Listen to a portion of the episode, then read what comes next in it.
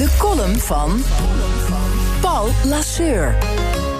Twee keer raakte KLM deze week een open zenuw in de Tweede Kamer. Met het topinkomen van de baas en belastingontwijking door piloten.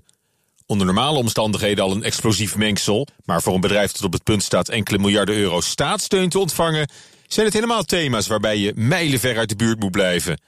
Omdat ze gegarandeerd de stoppen doen doorslaan in parlement en samenleving. Hoe dom kun je ook zijn om juist nu een hogere bonus voor topman Elbers te agenderen voor de aandeelhoudersvergadering volgende week? Is er dan helemaal niemand in Hoofddorp die vooraf de agenda nog even doorbladert? Of de afgelopen tien jaar een krant heeft gelezen?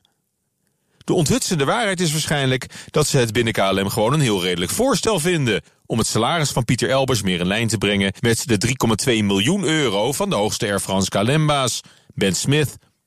Want Elbers blijft steken op ruim een miljoen. En dat is laag betaald, vinden ze bij KLM al veel langer. Voor een topman met 30.000 medewerkers. Gemiddeld krijgen bestuursvoorzitters van grote beursbedrijven in Nederland 2,8 miljoen euro. En ook daar blijft de KLM-baas ver bij achter. Maar het gaat dus niet door.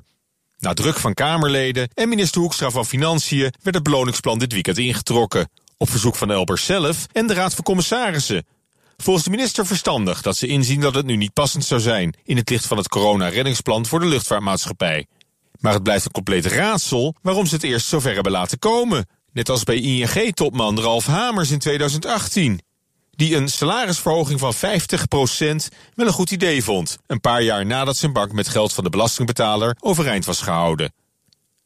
Ralf Hamers heeft intussen een goed heenkomen gevonden bij het Zwitserse UBS, waar hij dit najaar aantreedt als de nieuwe CEO, voor een veelvoud van wat hij hier verdiende. Maar voor Pieter Elbers lijkt zo'n exit-scenario minder waarschijnlijk. De KLM-topman is momenteel niet te benijden. Hij blijft nu zitten zonder de extra centen, maar met de reputatie van grote graaier. En een flinke kras op de vertrouwensrelatie met Den Haag. Minister Wouter Koolmees van Sociale Zaken zei dit weekend in het FD geen tijd te hebben voor een fatsoensdiscussie over wie zijn of haar hand mag ophouden bij de overheid. Baanbehoud staat voorop. Maar Wopke Hoekstra van Financiën doet nu wel degelijk een fatsoenscheck bij KLM. Hij gaat strenge voorwaarden stellen aan lonen en bonussen bij het verlenen van steun aan onze nationale luchtvaartmaatschappij. Die overigens tegen elke prijs moet worden gered. Dat dan weer wel. Prettige maandag. Columnist Paul Lasseur. Terugluisteren? Ga naar bnr.nl of de BNR-app. En daar vindt u ook alle podcasts. Bij BNR ben je altijd als eerste op de hoogte van het laatste nieuws. Luister dagelijks live via internet. Jelle Maasbach. Wesley Weerts. We zijn er voor je met het leukste, opvallendste, maar natuurlijk ook het belangrijkste nieuws. Tijdens de presentatie van die halfjaarcijfers toen die beurskoers in elkaar kukkelde. BNR Beurs. Voor de slimme belegger. Blijf scherp en mis niets.